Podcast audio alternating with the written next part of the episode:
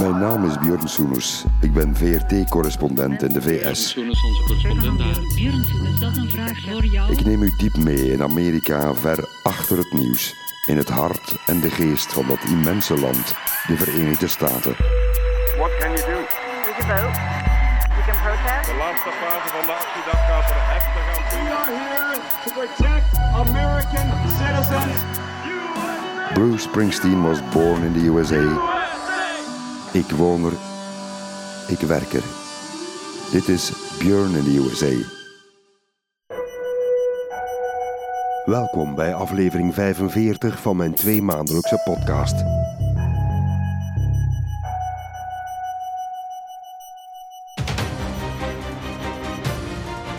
We will win, and we will win, we will win. The only loser I see is Donald Trump. The race for the White House is on. Veel nieuwsredacties beschouwen presidentsverkiezingen vooral als spannende wedstrijden. Het is een horse race, een paardenkoers. Op welk paard moeten we wedden? The 2024 presidential race is heating up. Donald Trump is slightly ahead. Joe Biden kickstarting his re-election campaign.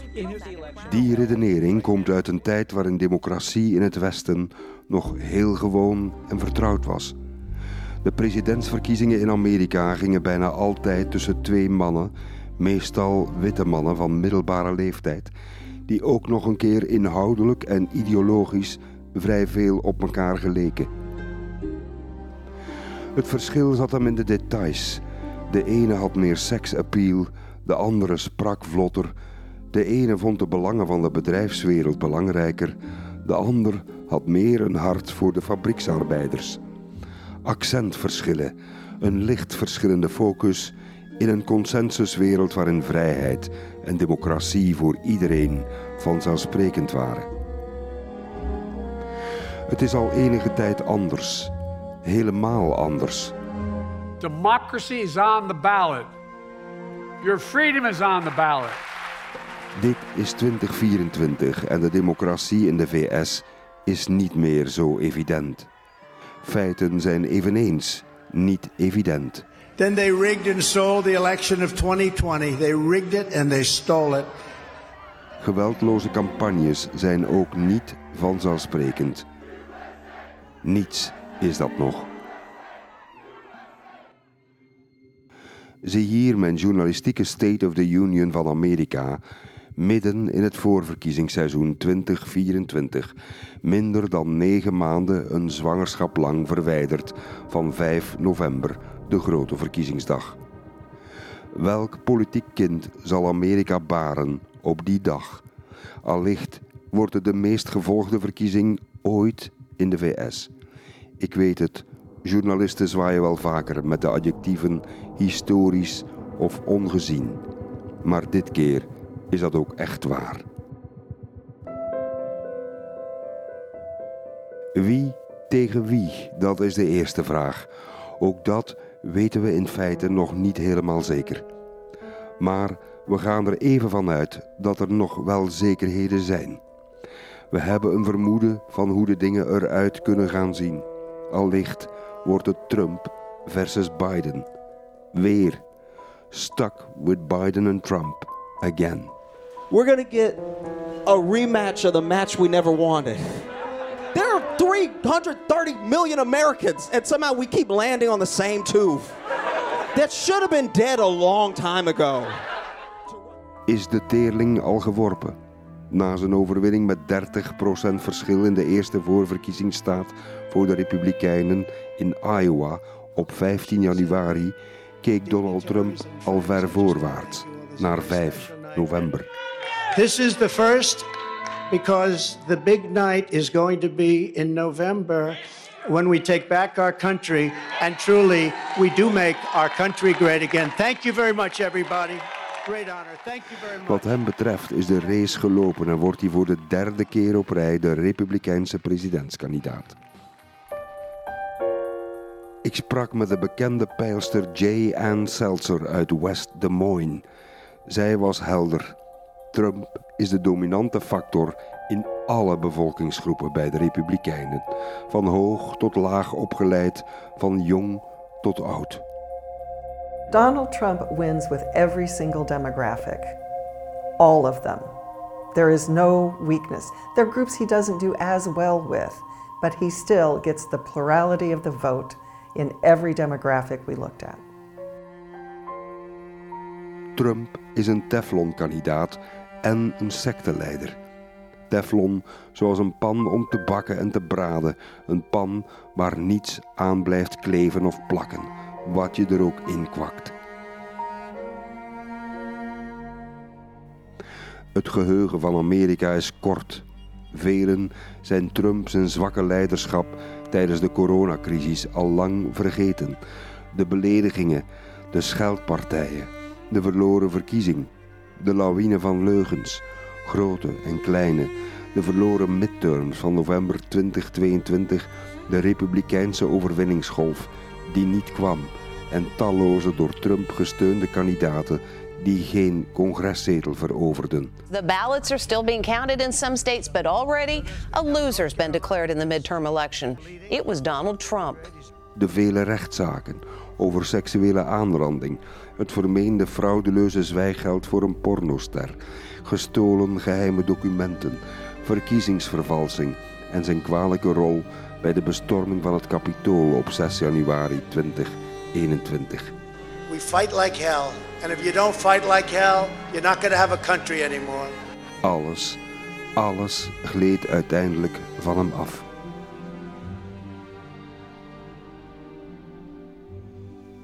Het is alsof er ook weinig blijft plakken, ogenschijnlijk, aan de reputatie van de Republikeinse Partij. Hoe ze hun eigen leider vorige herfst tot ontslag dwongen in het Huis van Afgevaardigden. Is hereby declared vacant. You are looking live at breaking news. For the first time in the history of the United States, the Speaker of the House has been ousted. Hoe Kevin McCarthy moest gaan toen hij een compromis sloot met de Democraten over de begroting. The California Republican had only been on the job for nine difficult months. This afternoon, members from both parties voted to strip him of the gavel. Hoe McCarthy 15 stemrondes nodig had om voorzitter te kunnen worden. The GOP strife playing out for all to see and ending with arm twisting, flaring tempers, and phone calls from former President Donald Trump. Hoe zijn opvolging een lange soap werd van drie kandidaat-voorzitters tot uiteindelijk, omdat iedereen het zo moe was, Mike Johnson de sterke man werd eind oktober 2023 en vervolgens exact hetzelfde deed als McCarthy begin 2024 een begroting goedkeurde met de Democraten, maar daar niet de laan voor werd uitgestuurd. I don't think I'm in any jeopardy of being vacated. It's not something I walk around and think about. What I'm thinking about is governing and trying to do well by the people, and, and we're going to do that. Hoe de Republikeinen één jaar nodig hadden om de fraudeur, oplichter, leugenaar in eigen rangen, George Santos uit New York, het congres uit te bonjouren.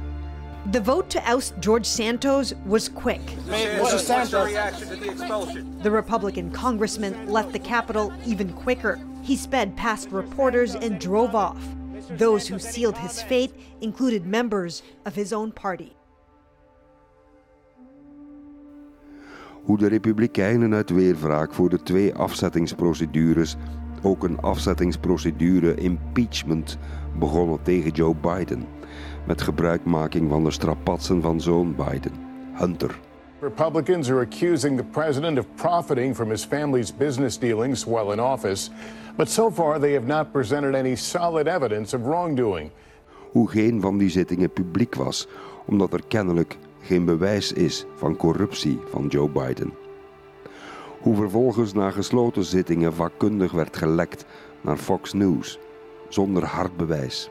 They say information obtained from a subpoena of the Biden family financial documents show that the family received millions of dollars in foreign cash. hoe het dystopische schandelijke klimaat werd gecreëerd van een vreselijk corrupte president Biden die het land verkocht aan de Chinezen en anderen en hoe volgens Trump Biden Amerika en heel de wereld belachelijk maakt. The Biden family is a criminal enterprise. Frankly, it makes crooked Hillary Clinton look like an amateur.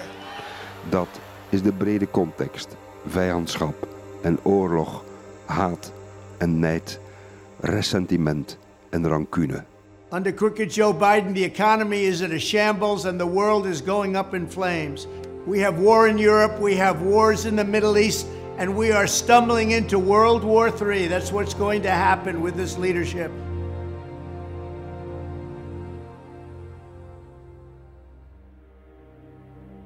Het enige wat rancune tegenwerkt is tevredenheid en fatsoen. Trump deed en doet er alles aan om de tevredenheid te bekampen en een beeld te creëren van Amerika als een bloedbad en een woestenij om in te leven, sinds hij zelf uit het Witte Huis is weggetrokken. You could take the worst five presidents in history, and they haven't done the damage that Joe Biden has done. Just add them up. Oppositie en vijandschap uit principe. De tegenpartij die men wel moet haten. Dat is de brede context. The stakes in this election could not be higher. Next November, you have a choice between war, poverty, and weakness under crooked Joe Biden, or peace, prosperity, and strength under President Donald J. Trump. Omdat er steeds minder kennis is over de wereld en de maatschappij, door uitermate gekleurde media en door zwak onderwijs en door weerstand tegen kennis en expertise, want dat is iets van de elite die men veracht, is dit de stand van de politiek in de VS vandaag. De algemene mobilisatie van onwetendheid. En de mobilisatie van de onfatsoenlijkheid, zoals Trump die Biden vierkant uitlacht als hij stottert.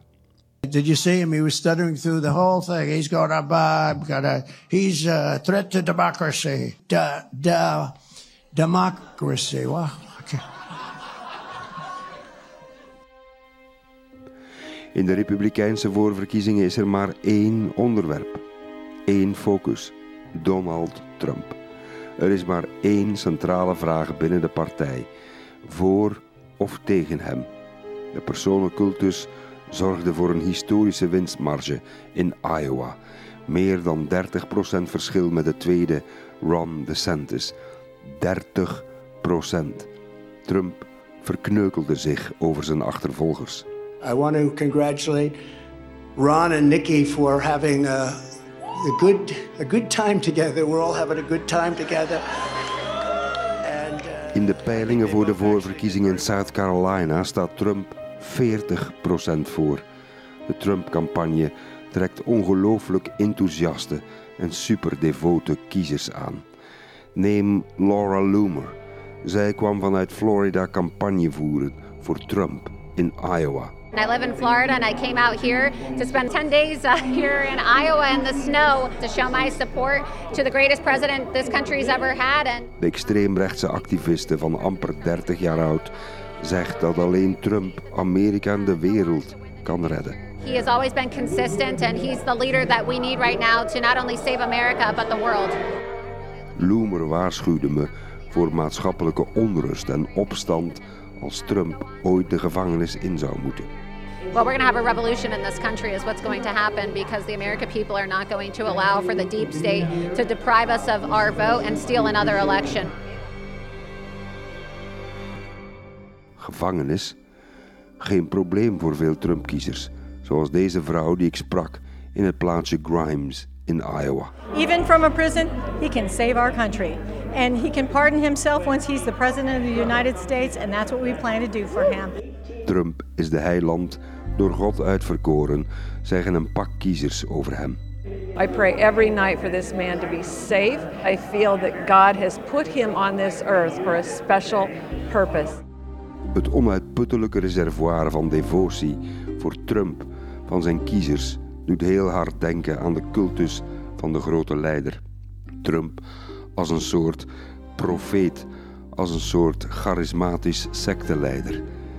In de toespraken van Trump komen al maar meer fascistoïde elementen voor.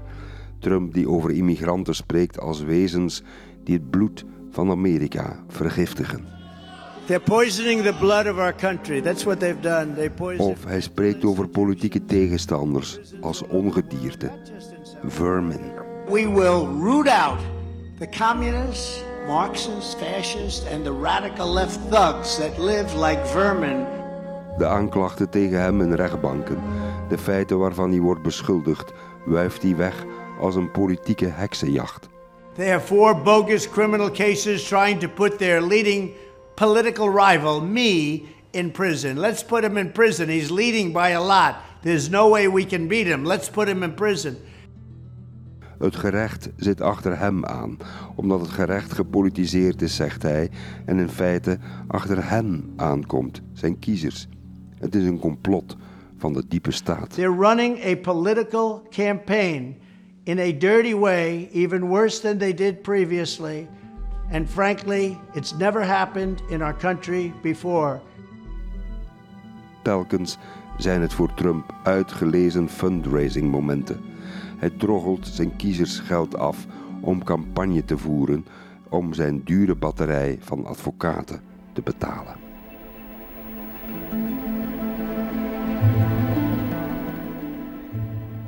Trump die slim politiek bedrijft achter de schermen om zijn politieke rivalen in eigen rangen koud te maken en uit te schakelen. Hij doet het een pak professioneler dan in zijn vorige twee campagnes. Lang vooraf heeft hij in bepaalde staten de regels proberen te veranderen om tegenstanders dwars te zitten.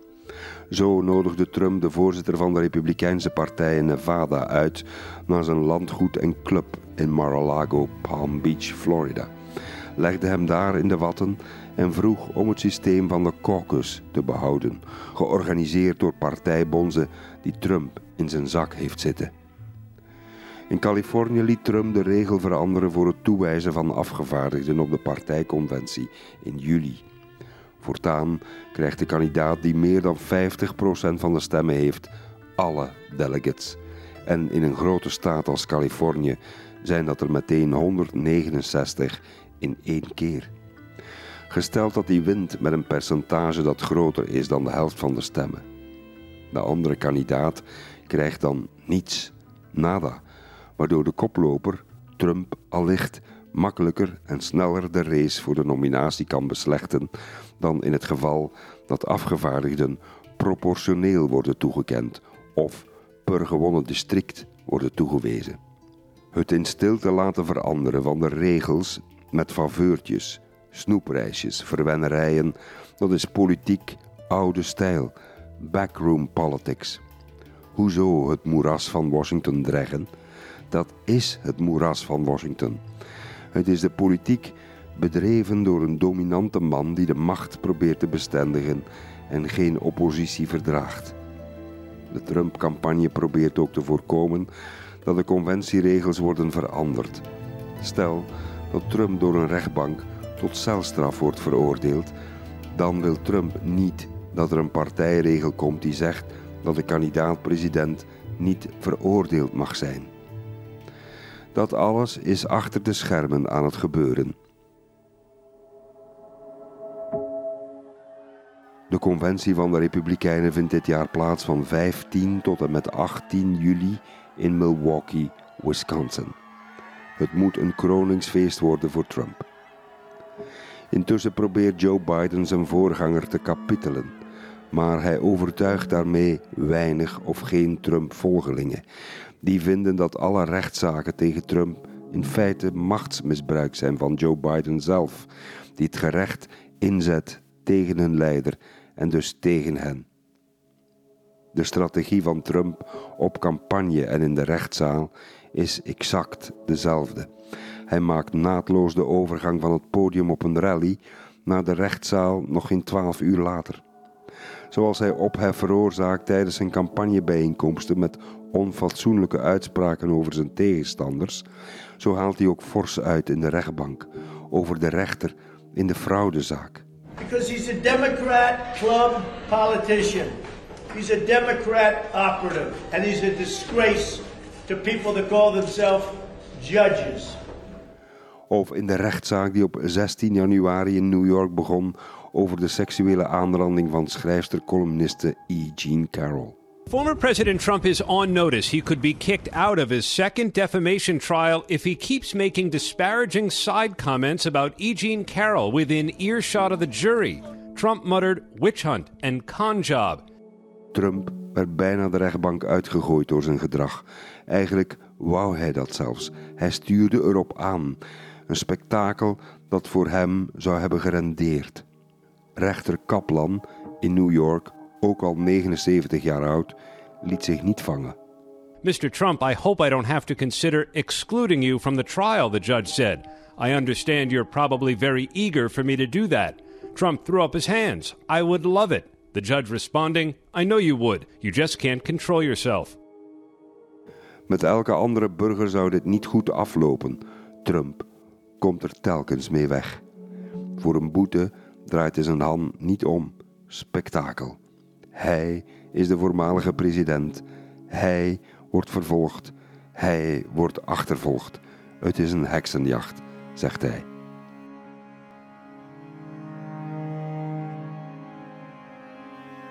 Het brengt hem miljoenen dollars aan donaties op. De steun voor zijn presidentscampagne groeit. Alles uit rancune. Allemaal de schuld van de diepe staat, vertelt hij zijn kiezers. This is like a communist country. These corrupt, power hungry lunatics need to hear us loud and clear. We are done having our lives controlled by politicians and Washington bureaucrats. Maar dat is juist de hele strategie. Een show rond hemzelf maken waar de pers van smult. De controverse opzoeken en op die manier vakkundig de aandacht afleiden van de rechtszaak zelf. Hij keert de zaken altijd om. Hij is het slachtoffer. Hij zou degene moeten zijn die schadevergoeding krijgt. Zijn techniek? Volhouden, nooit toegeven, nooit fouten bekennen. Never back down. Hij houdt het al een leven van bijna 78 jaar vol. Never back down, zoals in het nummer van Tom Petty.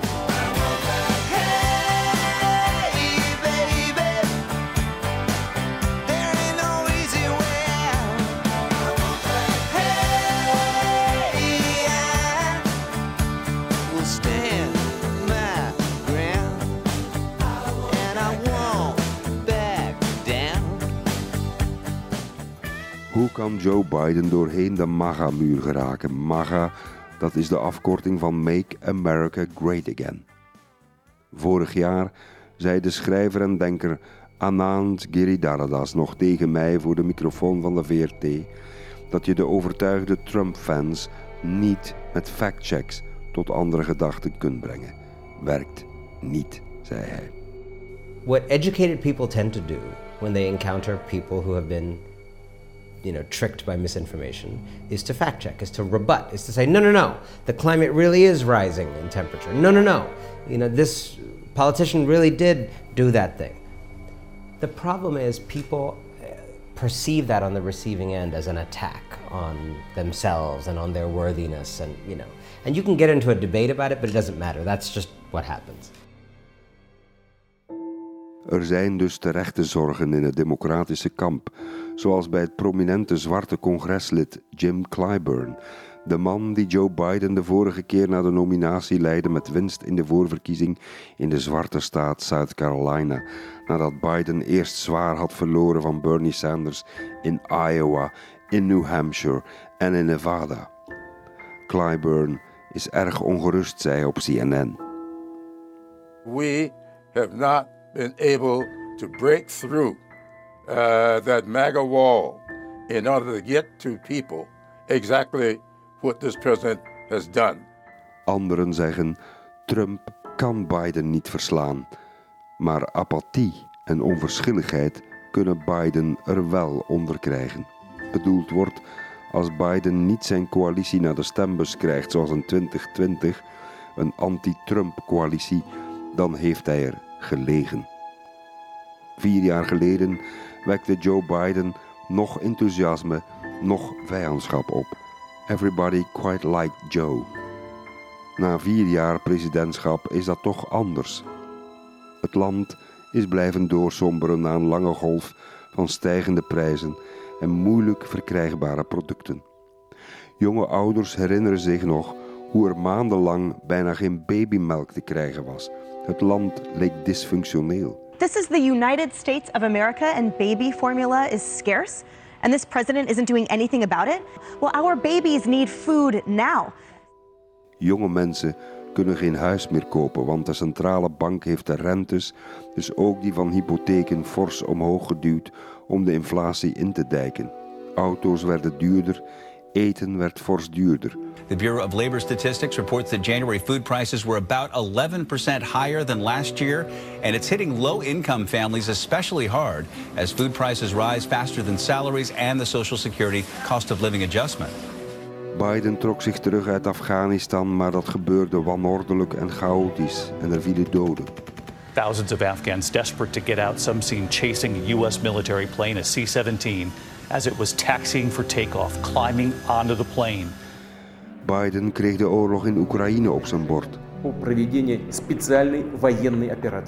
Die oorlog kostte Amerika vele miljarden dollars aan wapens en humanitaire hulp. Maar vooral de Russen draaiden de gas- en oliekraan dicht, waardoor de olie- en gasprijzen in het Westen fors de hoogte insprongen. De benzineprijs verdubbelde nagenoeg en daar kwam heel veel onvrede over. Prices are shooting up higher and faster than they have in more than a decade, breaking records in California. $5, $6, premium as high as a jaw-dropping 7.55. Het werden de problemen van Biden zelf. The gas pump is 100% on Biden's desk. It's 100% his fault. En Trump en de Republikeinen noemden het ook Bidens inflatie. This is Bidenflation created by Joe Biden. Think about his policies that have caused this inflation. First of all, Ook al was het een wereldwijd probleem. Maar het inflatiespook bleef aan de ribben van Biden plakken. Al begint nu voor het eerst een beetje optimisme door te sijpelen bij de consument. Wat goed nieuws kan zijn voor Biden en zijn campagne. De verkiezing is immers pas in november. Elke peiling over het nu heeft eigenlijk nul en geenerlei waarde.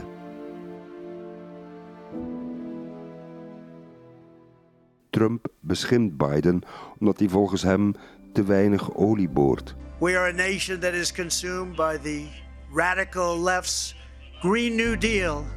Yet everyone knows that the Green New scam is fake and it will lead to our destruction. Trump wil weer boren vanaf dag 1, zegt hij. We will drill, baby, drill. Drill, baby, drill. De feiten spreken Trump nogal tegen. Het is zijn rivaal Biden, uitgerekend Joe Biden, die als president het record brak met meer dan 13 miljoen vaten olie per dag geboord vanaf het najaar van 2023. 1 miljoen vaten meer dan Trump zelf. Biden is gefocust op de groene klimaatomslag, maar weet dat het land en de wereld vooralsnog olie en gas nodig hebben. This idea that they don't have oil to drill and to bring up is simply not true. This piece of the Republicans talking about Biden shut down fields, wrong. Amerika pompt meer op dan Saoedi-Arabië of Rusland. Een historische infrastructuurwet van 1000 miljard dollar voor nieuwe bruggen en wegen en internet was een grote wetgevende overwinning. We also passed once in a generation investment in our nation's roads, highways, bridges, railroads, ports, airports, water system, high speed internet. We got a little help from Republicans, but not a lot, but enough to get it passed. Maar het zijn de plaatselijke gouverneurs of politici die de pluimen ervan op hun hoed steken. And here is the moment those valves opened. Thousands of gallons of water pouring into the reservoir in its new stormwater treatment area.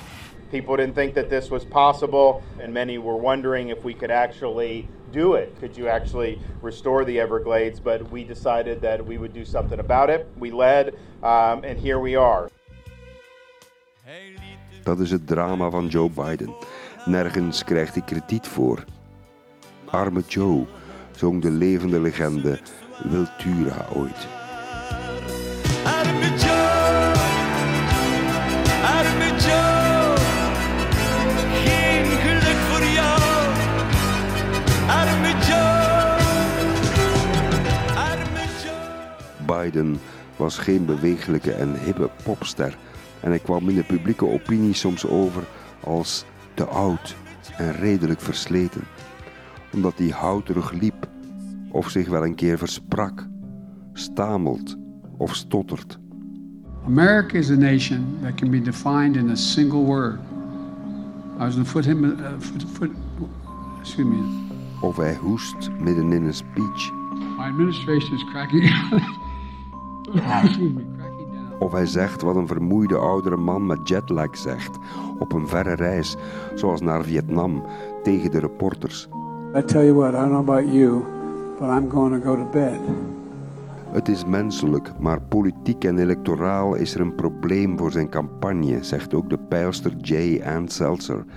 Een president die 82 jaar oud zal zijn tegen de verkiezingen, dat is nogal heftig. It's a challenge for the campaign to counter the, the idea that it's every time he's on the stage he trips, which is not the case. To counter the idea that he forgets all the time, which is not the case. But they've got, they've got to show that. And they've tried to just ignore it, and they won't be able to, I think, because it's a very strong narrative. Ook David Axelrod, ooit de topstrateeg van president Obama, ziet een probleem voor Joe Biden. Hij moet het oplossen, alleen hij kan het weten. Alleen hij kan er een beslissing over nemen, zei Axelrod. Maar er zijn te veel mensen die de leeftijd van Biden voor een herverkiezingscampagne als een groot probleem beschouwen. The issue is not political, it's actuarial. And you can see that in this poll. I mean, there's just a lot of concern about the age issue. And, uh, and that is something that I think he needs to uh, ponder. Just do a check and say, is this the right thing uh, to do? Voor de gezondheid van de Amerikaanse democratie is het allicht beter om niet weer te hoeven kiezen tussen twee oude heren. Een oude sloopkogel en een oude pantoffel die ruziend over straat rollen. Zelfs Ron DeSantis vindt het. I think that's absolutely legitimate concern. This isn't. Hij is als gouverneur van Florida ook de gouverneur van vele snowbirds, sneeuwvogels, oudjes die in het zonnige Florida hun oude dag komen doorbrengen. This isn't the presidency is not a job for someone that's 80 years old, and there's nothing, you know, wrong with being 80. Obviously, I'm the governor of Florida. I know a lot of people who are elderly. They're great people, but you're talking about a job where you need to give it 100%. You need, we need an energetic president. Nog meer perceptieproblemen voor Biden. De fabrieken keerden terug naar de VS, maar Biden kreeg er evenmin krediet voor. Biden kreeg de Chips Act goedgekeurd, waardoor computerchips, halfgeleiders, weer in de VS zullen worden geproduceerd. Zo belangrijk in de bikkelharde competitie met China. Een grote overwinning.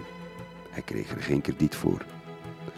Bidens gebrek aan appreciatie met een populariteit van amper 38, 39 procent is ergens onbegrijpelijk. De werkloosheid staat al meer dan twee jaar lang op een recordlaagte rond de 3,5 procent. Er zijn zo'n 15 miljoen banen gecreëerd sinds zijn aantreden en toch doet dat werkelijk niets om hem geliefder te maken. Dat is nogal opmerkelijk, ondanks zijn efficiëntie als president. Even opmerkelijk is dat kiezers in opiniepeilingen zeggen dat ze Trump meer vertrouwen met de economie dan Biden. A new poll found more Americans trust former President Donald Trump than Biden to fix the economy by 47 to 36% margin. Trump, die ook voortdurend spreekt over een Amerikaans bloedbad en over een recessie in Amerika. Een recessie die er dus helemaal niet is, ook al wordt ze al twee jaar lang voorspeld. Or we're going to have a serious problem, not recession. Not recession. Recession's a nice word. We're going to have a much bigger problem than recession. We'll have a depression. Integendeel, de economische groei bedroeg op jaarbasis in het laatste kwartaal van 2023 zelfs bijna 5 procent. Dat is fors. Ook de beurs staat hoog genoteerd en bereikt een nieuw record in januari 2024 toen de Dow Jones door de 38.000 punten brak. Een van de oorzaken van de perceptie, en het is niet alleen in Amerika een probleem, kiezers doen niet wat een democratie van de burgers verwacht: zich behoorlijk informeren. Daardoor trekken ze makkelijk foute conclusies of kunnen ze door demagogen worden misleid en door gekleurde media worden belogen. De propagandisten krijgen ruimte. De sociale media staan bol van de leugens en het bedrog. Het media-universum in de VS is danig van het pad afgeraakt. Veel mensen leven nu in en op een valse informatiebubbel. Ik zie het ook als bewoner van Amerika. Het verschil tussen gevoel en perceptie en de naakte cijfers.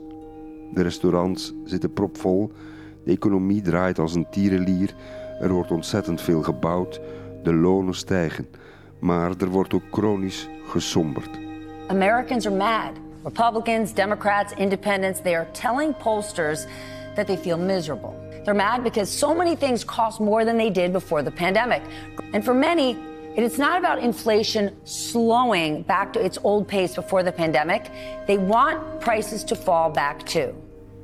Het tijdperk na de pandemie leek en lijkt wel haast klinisch, depressief. Er is de forse levensduurte, er zijn de oorlogen in Oekraïne en Gaza, er is de bitsigheid in de politiek, het gebrek aan vreugde en optimisme in de samenleving. Dat is voor Biden zeer zeker problematisch. Als president kan je je niet permitteren daarmee te worden verbonden. Herverkiezing is dus lang, lang niet zeker. Zoals de voorzitter van de Democratische Partij, het hoofd van de DNC, Jamie Harrison, onlangs zei: Biden has a track record to run on. When you look up and you stack up all of the legislative achievements of this president, from the American Rescue Plan to the Bipartisan Infrastructure Law to the Inflation Reduction Act to the PAC uh, Act to the Chips and Science Act, Joe Biden was able to do all of that. Mensen moeten het wel willen horen. Joe Biden werd ook lange tijd gezien als de mentale tegenpool van Trump. Moreel rechtlijnig, rechtschapen, tot hij een grote groep jonge kiezers verloor en de moslimkiezers door de slagpartij die Israël aanricht in Gaza op de Palestijnse burgerbevolking. Our house was bombarded, says this child. They bombed the house and everything fell on our heads, screams another. Al die dode kinderen op tv. En Biden, die openlijk Israël blijft steunen, dat heeft heel veel van zijn kiezers weggejaagd. Ze roepen naar hem als Genocide Joe. Genocide Joe has got to go! Genocide Joe has got to go! Zin voor nuance is er ook niet. President nummer 46 is nu de baarlijke duivel, ook al predikt hij nuance. Hij deed dat al in zijn speeches van bij het begin. Hij probeerde Israël in te tomen en te waarschuwen voor de excessen, zoals Amerika zich ook had bezondigd en dramatisch had vergist na 9-11, zei Biden. I caution this while you feel that rage. Don't be consumed by it. After 9 11, we were enraged in the United States. While we sought justice and got justice, we also made mistakes. In een kerk in Charleston, in South Carolina, verstoorden enkelingen zijn speech in de Emmanuelkerk. Ze riepen slogans pro-Palestina.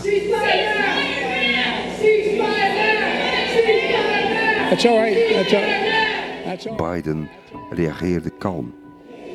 I understand their passion. I've been quietly working with the Israeli government to get them to reduce and significantly get out of Gaza. Een vrouw in het bijna integraal zwarte kiezerspubliek in de kerk riep naar Biden dat hij een goed mens was. Biden heeft veel problemen.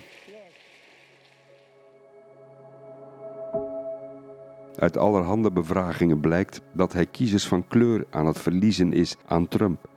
Zij vinden zijn immigratieaanpak niet de juiste. Sinds Biden president is, steken nog meer mensen de grens over met Mexico. Vaak zonder papieren. 10,000 migrants a day. That is what federal officials say they are encountering at the U.S. southern border on average. That's among the highest numbers ever recorded. U.S. officials now warning that the situation is nearing a quote breaking point. De Latino-kiezers willen een strengere aanpak, want is de redenering: zij zijn het land wel legaal binnengekomen. Immigratie moet eerlijk verlopen, vinden ze. En ze vinden Biden daarin te laks. This is a disaster. I belong to the largest minority in the country, the Hispanics, and I tell you that we do not want open borders. De Democraten dachten en hoopten net dat ze kiezers van kleur voor zich konden winnen door soepel te zijn, meegaand tegenover alle vormen van migratie. Na de grove uitlatingen over migranten van Trump, dat het verkrachters, gekken, zieken en criminelen waren. They're bringing drugs, they're bringing crime, they're rapists, and some, I assume, are good people. Contextgewijs moet ik eraan toevoegen dat de gigantische crisis in de Midden- en Zuid-Amerika natuurlijk weinig met Biden als persoon te maken hebben. Dat mensen sowieso op de vlucht slaan als een leven hopeloos is. Geen muur kan de wanhoop tegenhouden. Opvallend hoeveel migranten er bijvoorbeeld zijn uit Ecuador. Ik ontmoette ze in New York. Ecuadoranen op de vlucht voor bendegeweld in hun land. Por que es mucho en Ecuador la, la corrupción, lo que están los, los de las bandas, las pandillas extorsionando a la gente. Op de televisie zien mensen busladingen vol migranten vertrekken vanuit Texas of Florida naar grote steden als Chicago, Los Angeles of New York. Die grote steden kreunen vervolgens onder de kostprijs voor de opvang van al die vluchtelingen en asielzoekers. From New York to Illinois to Arizona, states overwhelmed. Buses arriving daily, processing centers and shelters filled to capacity. De burgemeester van New York, Eric Adams, haalde in de herfst fors uit naar zijn eigen president en noemde de migrantencrisis de schuld van Biden, zijn eigen president. Why are you doing this to New York? The national government has turned its back on New York City. Burgers in New York voelen de kostprijs van die opvang, want er wordt bespaard op openbare dienstverlening, in scholen om de opvang te bekostigen of in de openingsuren van bibliotheken of de aankoop van boeken. Dat kost ook weer een pak kiezers en andermaal neemt de ontevredenheid toe. Ik zag ook de viscerale afkeer voor opvangcentra voor vluchtelingen op Staten Island. De woede was groot. Bange buurtbewoners vreesden voor de veiligheid van hun kinderen, zeiden ze me in dat aparte stadsdeel van New York City. Of course I'm angry. This is New York. This is where my kids live. I need to raise my family out here. How can these people get everything for free? Meanwhile, I got to spend every single dollar to send my kids to school. In die context heeft de roep om meer muur van Trump weer succes, net als acht jaar geleden. We're going to build a wall. It's going to be built. Believe it or not, it's not even a difficult thing to do. Hoe kan Biden het tij keren? Wat wordt zijn strategie? Het ziet er naar uit dat die strategie bestaat uit Donald Trump. Biden en zijn entourage hopen op de zichtbare terugkeer van de Trump-chaos, de dagelijkse media frenzy. A defiant President Trump escalating His 45 minute unscripted and freewheeling Rose Garden speech. The president undermined his top medical experts on Donald Trump taking center stage at a campaign rally. De gekte, de craziness, de lawine van Trump van 's ochtends tot 's nachts. Rocket Man is on a suicide mission for himself. That were very fine people on both sides. You are a rude, terrible person. You shouldn't be working for CNN. De redenering is: geef Trump zoveel mogelijk zuurstof en ruimte om de media in te palmen. Laat mensen weer elke dag de bullshit en de chaos ervaren zoals ze dat moesten doen tussen 2016 en en 2020.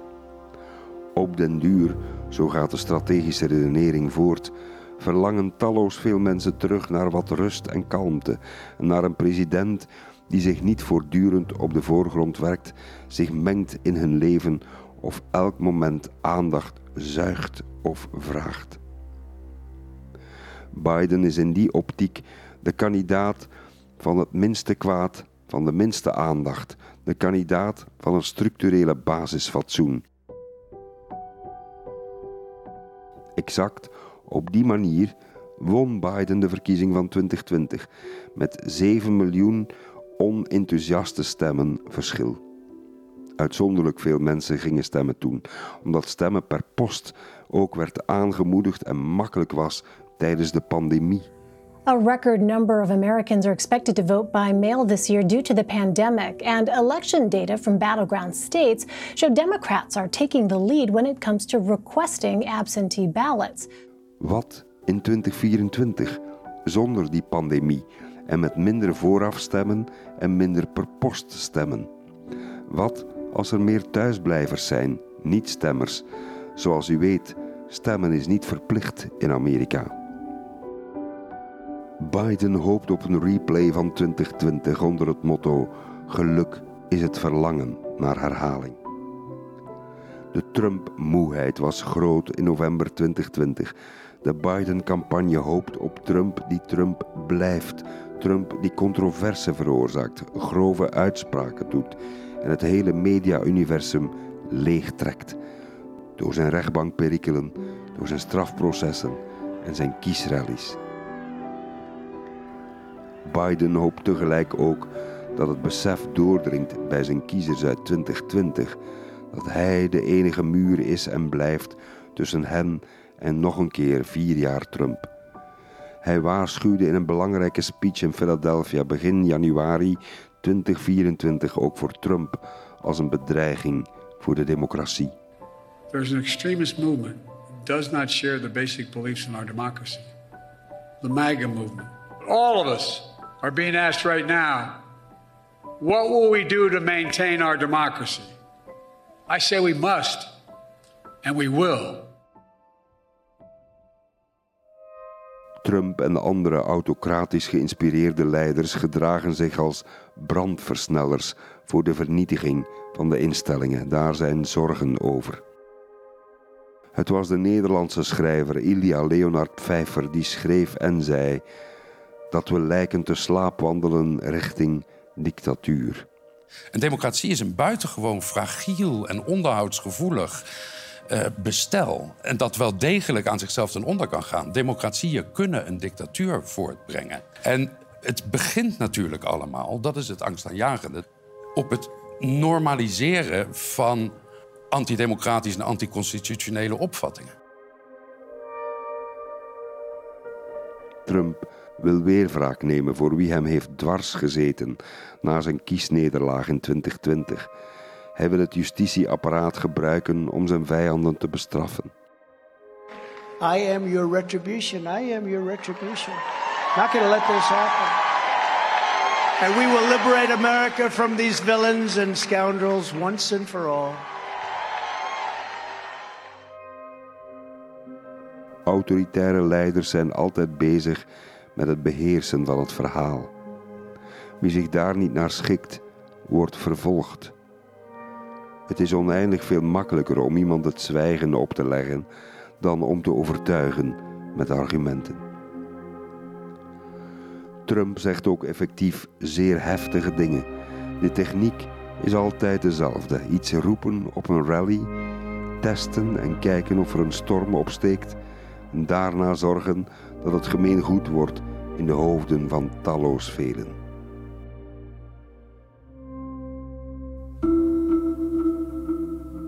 Ook na zijn kiesoverwinning in Iowa zei hij meer dan wat dankwoorden waar de meeste media op focusten. They have hundreds and hundreds of terrorists coming in, known terrorists, some of them really bad. Later in zijn speech, en ik bleef aandachtig doorluisteren in Des Moines, had hij het ook over de massale deportaties die hij plant uit te voeren als hij terug in het Witte Huis komt. And we're going to have to deport, we're going to have to have a deportation level that we haven't seen in this country for a long time, since Dwight Eisenhower, actually. De deportaties maken deel uit van Trumps project 2025. Een radicaal beleidsplan voor na zijn terugkeer in het Witte Huis, waarbij ook ambtenaren uit de administratie zouden worden gegooid en vervangen door Trumpisten. Het doet denken aan operatie Wetback uit 1954, de grootste massadeportatie in de Amerikaanse geschiedenis. Wetback verwijst naar de natte ruggen als je als immigrant zonder papieren vanuit Mexico de Rio Grande probeert over te steken. Het is een racistische term, een wetback. Some of these Mexicans have crossed the border many times this year. Most of them entered the United States by wading across the Rio Grande in Texas or the New River in California. Thus the term wetback. Some make it to San Francisco, Chicago, and even New York. It's a wide open border. Tussen de 300.000 en 1,3 miljoen Mexicanen werden in 1954 door de regering van Dwight D. Eisenhower met bussen, boten en vliegtuigen terug naar Mexico gedeporteerd. Al in 2015 prees Donald Trump deze aanpak.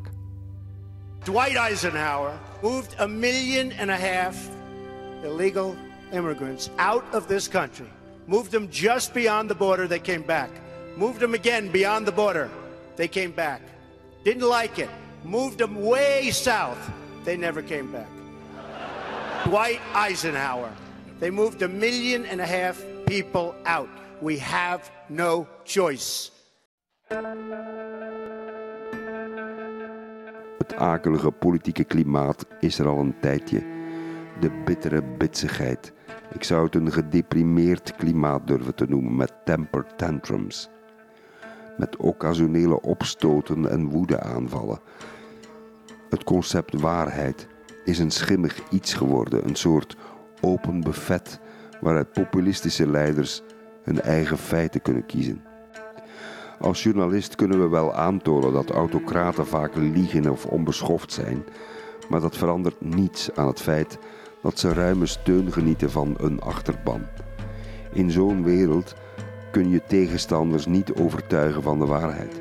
Sommige Trump-volgelingen zijn ook klaar, zeggen ze, voor een dictator, zolang die maar Trump heet. If he wants to be a dictator, then so be it. He'll, he's the president of the United States of America, and he would be my president. It's kind of like in the Bible. It says, whenever there's times of great trouble and you're his people, that he will provide a leader. And I do believe that Trump is our leader that God has given us. Zoals ook het verbieden van schoolboeken herinneringen oproept aan het fascisme uit de vorige eeuw. In Amerika is het onderwijs in de handen gegeven van de ouders, die nu via schoolraden meer dan de leraren of de onderwijsexperts bepalen wat kinderen mogen lezen. Als je dan ouders hebt die zijn opgejut door allerhande radicaal-rechtse media en fel van leer trekken tegen boeken over racisme of transgender personen, dan krijg je verboden boeken.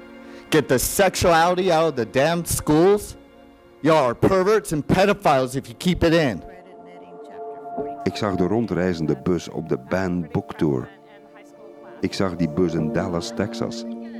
Everyone's shocked that in 2023 we are we're talking about censorship. It's very dystopian. And when someone decides that they're going to put handcuffs on knowledge, we should all be scared. Kan Trump winnen op 5 november? Absoluut zeker weten. Die kans bestaat zeker.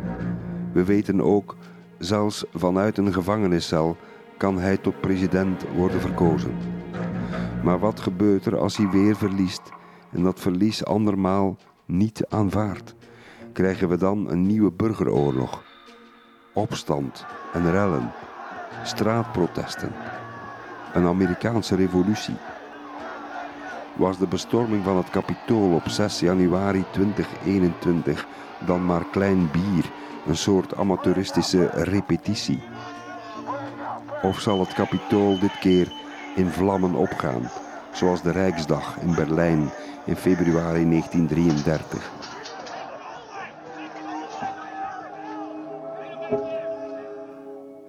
Om het met wijlende Oostenrijkse schrijver Stefan Zweig te zeggen, komt er een opstand van de horden, storten het dak en de muren van de democratie straks in. Pertinente vragen waarop het antwoord nu nog niet duidelijk is. Misschien hebben we, om het met Friedrich Nietzsche te zeggen, straks weer kunst nodig om niet aan de waarheid te hoeven sterven.